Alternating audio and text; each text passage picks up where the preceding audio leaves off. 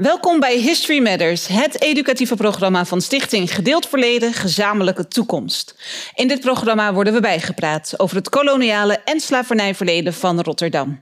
Samen met studenten van Albeda, Zatkien en Hogeschool Rotterdam voel ik wetenschappers, historici, geleerden en Rotterdammers aan de tand over hoe de geschiedenis het Rotterdam van nu heeft gevormd.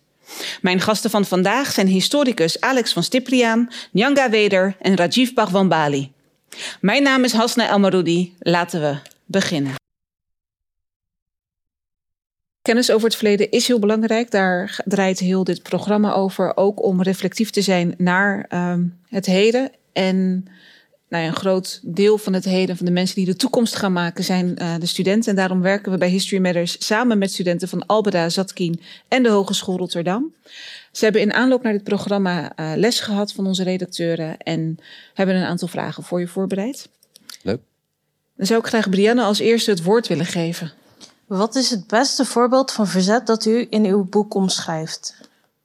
Oeh, verzet. Het beste voorbeeld van verzet. Um, dat kan ik niet geven, omdat er uh, verzet is. Um, hè, ik, ik zal maar zeggen, we kennen waarschijnlijk inmiddels allemaal Tula, de grote uh, uh, leider van de strijd op, um, op Curaçao. Dan zou ik zeggen, ja, dat is zo groot en belangrijk geweest. Dat is het belangrijkste voorbeeld. Maar waarom zou dat belangrijker zijn dan een vrouw die stiekem uh, een hand zand gooit in de suikermolen van een suikerplantage om de productie te saboteren? Een vrouw met kleine kinderen uh, um, die eigenlijk haar leven daarmee ook op het spel zet. Is dat belangrijker? Is dat heldhaftiger? Het een of het ander? Ik denk niet. Ik denk dat het juist dat geheel is van mensen die heel klein hun strijd streden. En dat kan zelfs zijn gewoon een bepaald lied zingen. Maar alles, voor alles kan je gestraft worden. En dat is net zo belangrijk en krachtig als Tula of de Marons of uh, noem maar op. Dat samen zet druk op het systeem. En dus samen is het, is het belangrijk. En wat dat betreft praat ik zelf altijd liever over. Het woord verzet gebruik ik ook, maar ik praat ook graag in termen van strijd. Strijd heeft iets meer actiefs. Verzet is je verdedigen. En strijd is meer ook de aanval zoeken. En dat vind ik juist wel iets wat je, uh, ja, waar je diepe buiging voor kunt maken als mensen in die omstandigheden de strijd durven aan te gaan waar strijden wij anno nu voor? We zijn al heel gauw en verveeld. En, uh, uh, maar echt strijden waarbij je leven ervan af kan hangen, dat is altijd superbelangrijk. Ik denk dat we daar nog een hele aflevering over uh, moeten gaan maken. Lijkt me een goed plan. Gabrielle. Hoe verschilde de kolon kolonisatie van Curaçao van de kolonisatie van Suriname? Was er een verschil tussen Curaçao en Suriname. En wat ja. Rotterdam daar gedaan heeft of Nederland. Ja, grote verschillen. Um, in de eerste plaats, um, Curaçao was um, gekoloniseerd door de WIC, de West-Indische Compagnie. en met name door de afdeling Amsterdam. Dus hier zat heel duidelijk een 010-020 concurrentie. Toen al. Toen al, ja, ja, wat ze echt. Die Amsterdammers uh, die Curaçao uh, bestuurden en bezet hielden, uh, die zeiden ook: er mogen geen schepen uit Rotterdam hier komen. Dus zo heftig was dat al. Ja. Aan de andere kant, in Suriname was dat helemaal niet zo. Dat werd, ehm, de WIC had daar niet genoeg capaciteit voor om uh, Suriname uh, te besturen, te koloniseren en te besturen. Dus die hebben toen um, een driemanschap gevormd, de Sociëteit van Suriname. Waarmee Suriname dus eigenlijk een soort privébedrijf werd als land van uh, die drie eigenaren. En die drie eigenaren waren de West-Indische Compagnie, opnieuw de stad Amsterdam en een familie, de familie van Aarsen van Sommelsdijk. Maar die kwam uit deze regio. Dus die waren van begin af aan waren er dus belangrijke Rotterdammers al betrokken, ook bij de kolonisatie van, van eh, Suriname. Ehm, en heel veel eh slaven-eigenaren, plantage-eigenaren in Suriname hadden een Rotterdamse achtergrond. Echt tientallen, vele tientallen. Dus dat lag verschillend. En een ander groot verschil was, eh, en daar kom ik een andere keer nog wel even over te praten, maar ehm, Suriname was een echte plantagekolonie. Dus daar werd geproduceerd, werden maar een paar producten geproduceerd voor de wereldmarkt. De wereldmarkt was dan West-Europa. Want vanuit Rotterdam en Amsterdam werd dat allemaal geëxporteerd naar tot ver in Europa. Eh, vandaar dat je ook kunt zeggen dat Rotterdam als wereldhaven, daar is al een basis voor gelegd. En als globaliserende eh, eh, factor voor Nederland een basis gelegd in die tijd. Door die slavenhandel en slavernij. Ehm, dus Suriname produceerde voor de wereldmarkt. Curaçao was veel minder en, en de andere eilanden nog veel minder. een producent en veel meer een handelsknooppunt. Dus daar werden mensen via verhandeld naar alle mogelijke andere landen in de regio. Ehm, en, en daar werd handel gedreven tussen alle verschillende koloniën in de regio. En die handelaars die zaten dan eh, op Curaçao en eh, op Sint Eustatius of Statia, zoals de Sint-Eustatianen zichzelf liever noemen. Ja. Ja, helder. Is je vraag ermee beantwoord? Ja, mooi. Ehm, dan gaan we naar Bilal. U heeft heel veel namen genoemd in uw boek. Wat is het doel hiervan geweest? De namen. Ja, we hebben het heel veel namen. Ja, ja, ook nu weer heb ik heel veel namen laten zien. Dat doe ik heel bewust om eigenlijk waar ik het net over had, dat je niet meer kunt zeggen het is ze. Maar onder die namen zit er altijd wel één tussen die je, eh, die je kent. Ik had het net nog, ik ben met auto gekomen. Ik heb hem hier in de Van Zwietenstraat eh, eh, geparkeerd. Van Zwieten heb je misschien wel zien staan tussen die 125 namen op de dia die ik liet zien. Je komt altijd een naam tegen uit die tijd. En daarmee probeer ik die geschiedenis heel dichtbij te brengen. Dus want aan een, dan ga je veel meer nadenken van, oh, maar ik ken een Van Zwieten, of ik ken een eh, Oort, of ik ken een. Eh, en dan komt die geschiedenis veel dichterbij. En dan zie je ook van hoe die betrokkenheid vanuit alle hoeken en gaten van de stad met die geschiedenis is. Nou, als je alleen maar hebt ze, nou ze of men of de WIC. ehm, maar door namen te noemen, ook aan de andere kant, hè, ook van mensen. eh, hè, als je het alleen maar hebt over de slaafgemaakten, dat doe ik in dit boek ook niet. Ik probeer waar ik het weet mensen bij naam te noemen. Daarmee geef je ze een identiteit of hun identiteit terug die verloren is gegaan. Ehm, en daarmee breng je dat verhaal ook veel dichterbij. Want als je daar een familienaam tegenkomt, ik zeg maar iets, Dankerlui of zo, dat is een naam die toen geformeerd is tijdens de slavernij. Maar dat kan je buurman of buurvrouw zijn. En dan wordt het opeens een geschiedenis ook die nog veel dichterbij komt. Ja, en dan blijkt de geschiedenis ook een stuk recenter dan zoveel jaar geleden. Ja. ja. Dankjewel, Bilal. Ehm, de laatste vraag is van Davy. En je hebt er min of meer antwoord op gegeven, maar eens kijken of je er nog wat aan kunt toevoegen. Hoe is de geschiedenis van de slavernij nu in Rotterdam zichtbaar? Hoe is de geschiedenis zichtbaar in Rotterdam? Ja, in het meest zichtbaar is het natuurlijk door de aanwezigheid van Afro-Rotterdammers. De, de, ehm, we hebben, ik heb het ergens ook genoemd, wel eens uitgerekend, één op de acht Rotterdammers nu heeft voorouders die ooit in slavernij hebben geleefd. En daarbij zijn ook de Kaapverdianen mee- meegerekend, wier voorouders dan wel niet onder de Nederlanders, maar ook in slavernij hebben geleefd. In dat transatlantisch systeem. Dat is de grootste zichtbaarheid en hoorbaarheid in deze stad. Want het Sranangtongo, het Papiamento en het Papiamentu zijn talen die je overal kunt horen in de stad, maar die gevormd zijn tijdens de slavernij. Toen zijn die talen ontstaan. Uh, en dat geldt ook voor het Creools uh, uh, Portugees wat op uh, Kaapverdië wordt gesproken. Die talen, en dan kom je eigenlijk weer terug op verzet. Die cultuur en die eigen talen, dat is al een vorm van verzet. Want dat geeft je kracht. En vanuit die kracht kun je strijden. En de kracht toont zich ook in dat die talen nog steeds bestaan. En hier en nu, mm-hmm. je zou kunnen zeggen in het hol van de leeuw, hè, in, in het hart van wat ooit de slavenmaker was, gesproken wordt en beleefd wordt en geleefd wordt.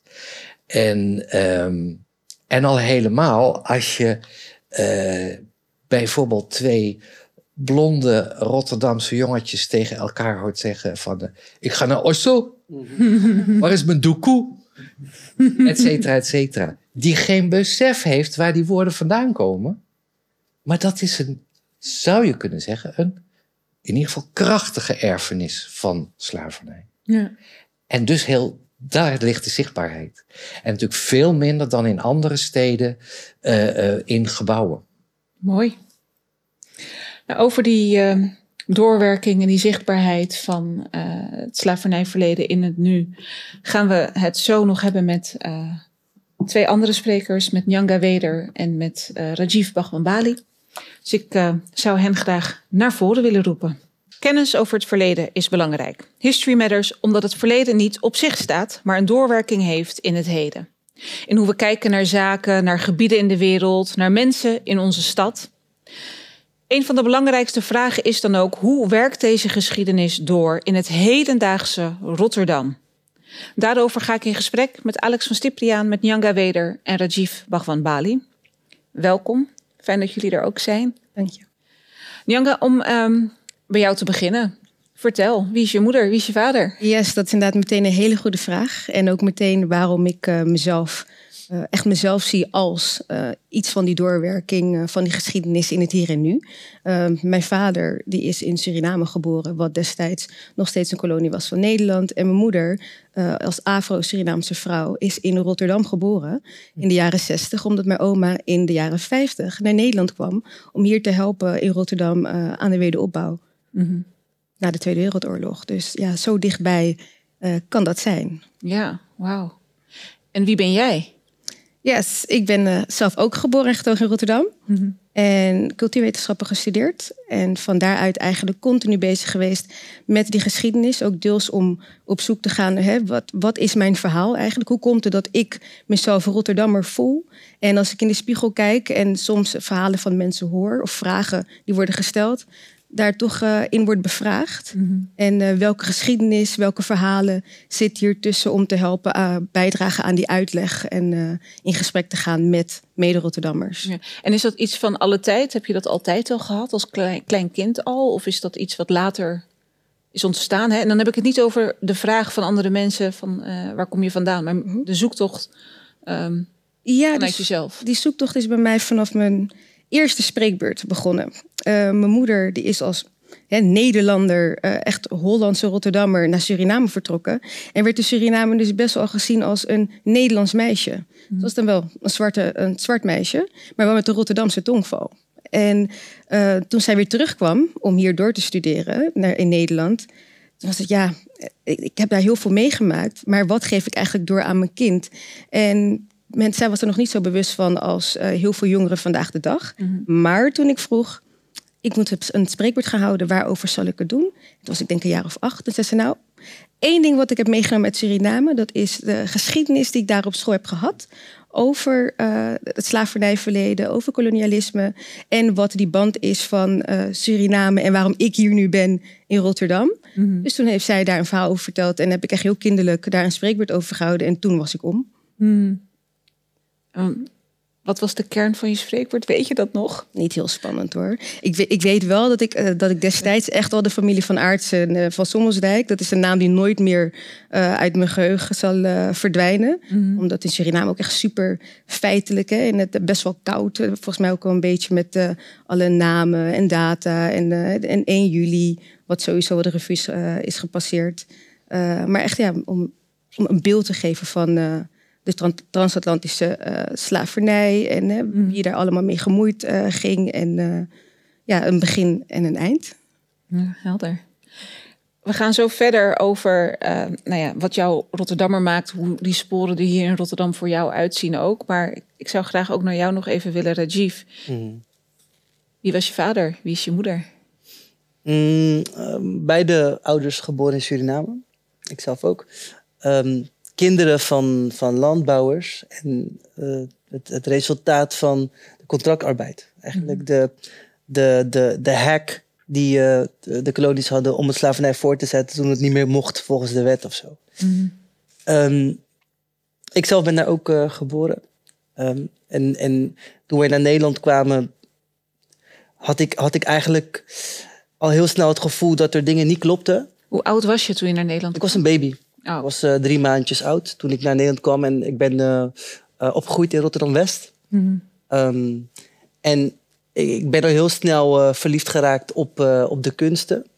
En, en naarmate ik mezelf ontwikkelde in de kunsten... merkte ik dat dat verzet iets, iets was wat, wat altijd aanwezig was in die kunsten. Ehm, waardoor ik ook een zoektocht naar mezelf ben gaan, gaan doen. Ja. En ik achter dingen kwam waar ik eigenlijk helemaal niet zo vrolijk van werd. Zij was zich al vrij vroeg bewust van eh, dat slavernijverleden. En ha- had jij dat ook? Eh, Werd er thuis over gesproken? Ehm, kun je Nee. misschien ook uitleggen wat dat contractarbeid trouwens precies was? Omdat Ja. het toch anders... Ja, het eh, contractarbeiderschap was eigenlijk ehm, het- de manier waarop, waarop de Nederlanders nog steeds ehm, eh, met, met super laag betaalde arbeid hun winsten kunnen, konden behalen. Uh, slavernij was officieel afgeschaft. Toen dachten ze, oké, wat gaan we nu doen? Ehm, we, we praten met Engeland en er zijn nog een eh, stel Indiërs die nog hard kunnen werken.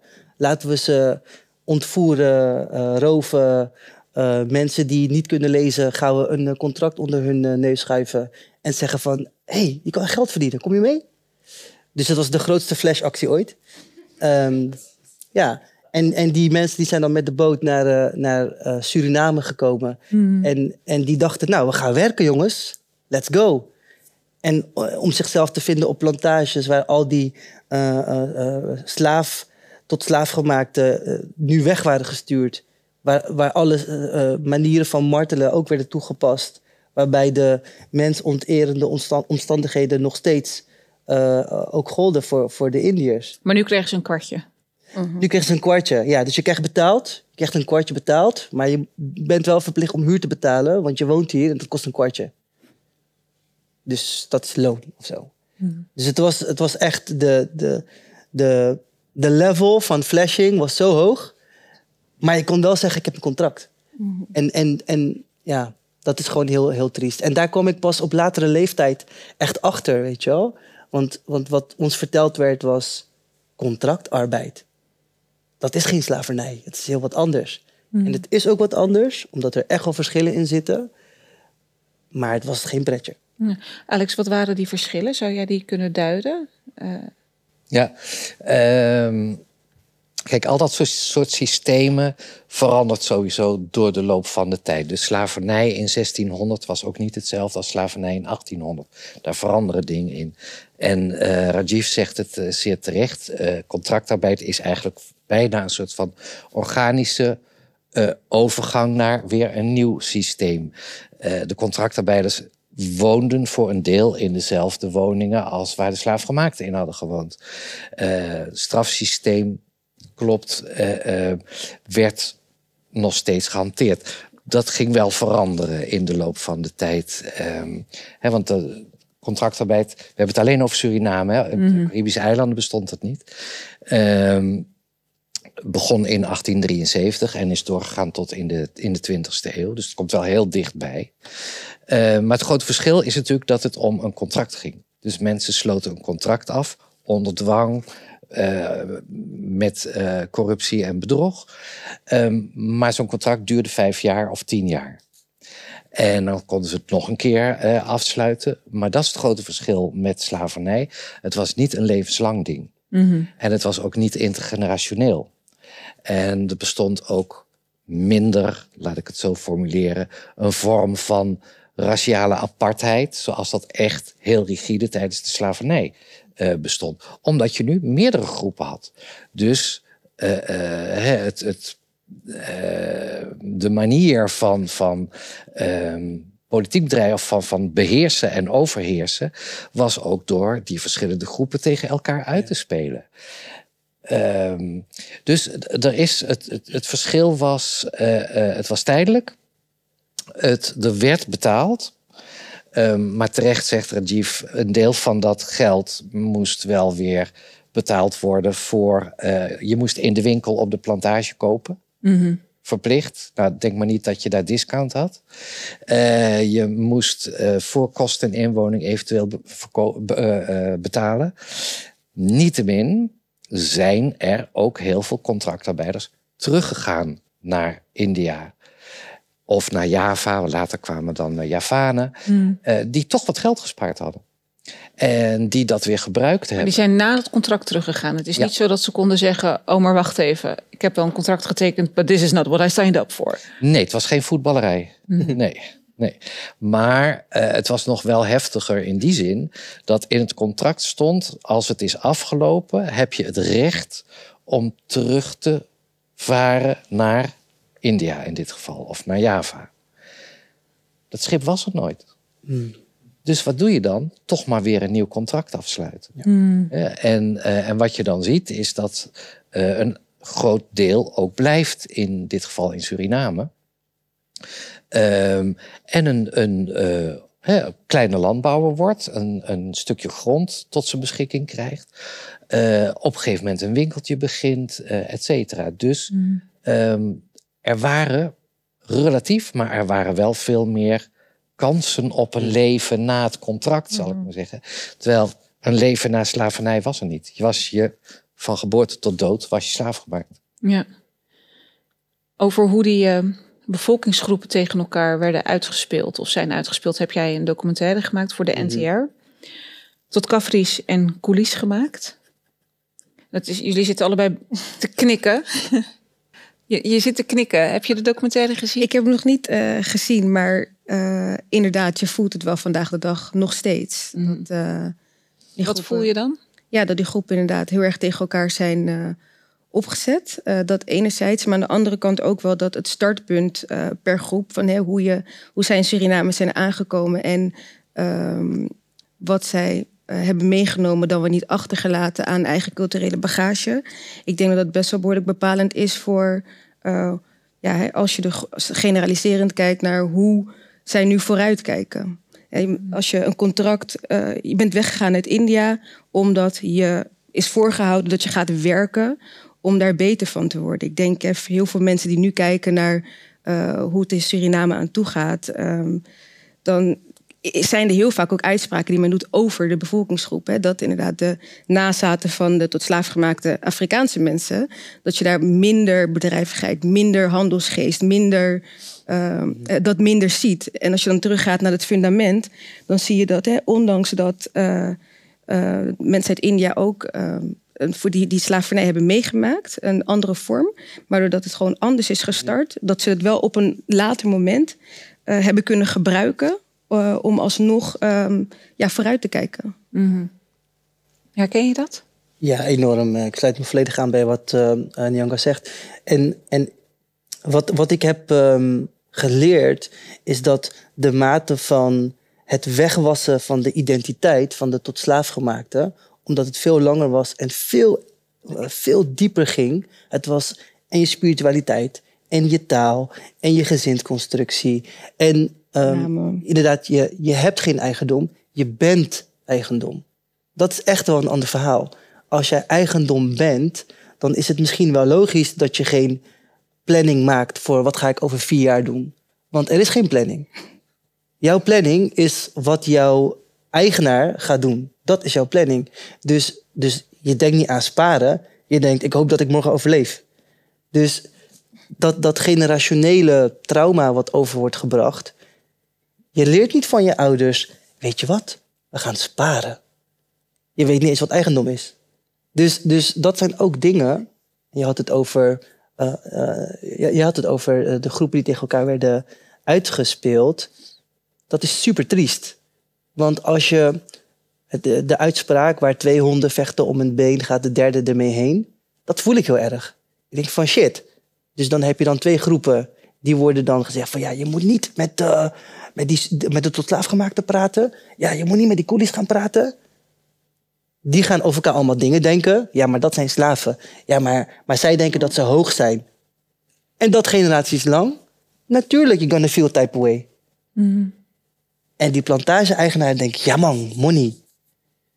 En dat is heel erg triest, want dat gaat zich ook in de generaties verder uiten in politieke partijen, mm -hmm. in bedrijvigheid, in ondernemerschap. En dan komen we hier. Ik voel heel erg in mijn generatie dat er verbinding is. Ik heb in Yanga vaker dingen gedaan. Ik heb in, in, mijn, in mijn eigen leven dat gevoel dat er spanning is tussen Afro-Surinamers en, en Hindoestanen veel minder ervaren. Totdat we de diepte ingingen en ik bij mijn ouders ging checken. En bij de ouders van mijn Afro-Surinaamse vrienden ging checken. En dan hoor je ook van, ja, die koel is dit. Ja, die Juka is dat. En ik schrik. Ik denk, zo serieus? Is dit een gesprek wat er gevoerd wordt? En dan ga je onderzoek doen. En, en dan kom je met dit soort wortels van toxic gedachtegang die echt geïmplementeerd is. En dat is gewoon super triest. Mm. Maar mag ik daar iets over zeggen? Ja, zeker. Ik, uh, eens. Um, maar wat ik soms jammer vind, is dat er dus alleen daarnaar wordt gekeken. En gelukkig zeg jij aan het eind, maar mijn generatie lijkt dat nu anders te doen. Want je kunt dus ook strijden. Zeker. Je hoeft niet dat gedrag over te nemen. En je hoeft niet te kopiëren wat de mensen voor je hebben gedaan. Dat is dan juist wat je ook van die geschiedenis van onderdrukking kunt leren. Dat er altijd mensen zijn gaan strijden. Okay. En um, uh, dus hè, het is soms ook. Oké, okay, je kunt zeggen, het is ons opgelegd en daar zijn wij slachtoffer van. Klopt. Maar het is sommige mensen ook heel goed uitgekomen. Ik denk uh, inderdaad strijden. Maar dat, je kunt strijden als je de kennis hebt. Maar wie bezit die kennis? Dus ik denk dat dat eigenlijk een beetje hetgeen is. Dat als um, ja, heel veel mensen bepaalde dingen niet weten. Dus hoe zou je dan moeten weten waartegen je zou moeten strijden? Hoe weet je um, dat bepaalde dingen die je met de paplepel meekrijgt, mee dat die eigenlijk niet juist zijn? Die, ja, het is nu eenmaal zo dat, uh, dat je van huis uit en vanuit je omgeving uh, bepaalde dingen die worden gezegd voor waar aanneemt. Mm. Dus waar wie moet die filter zijn? Mm. Ja. Nou, als we het dan hebben over dingen, um, over kennis en kennisoverdracht, en we hebben het over dat verleden.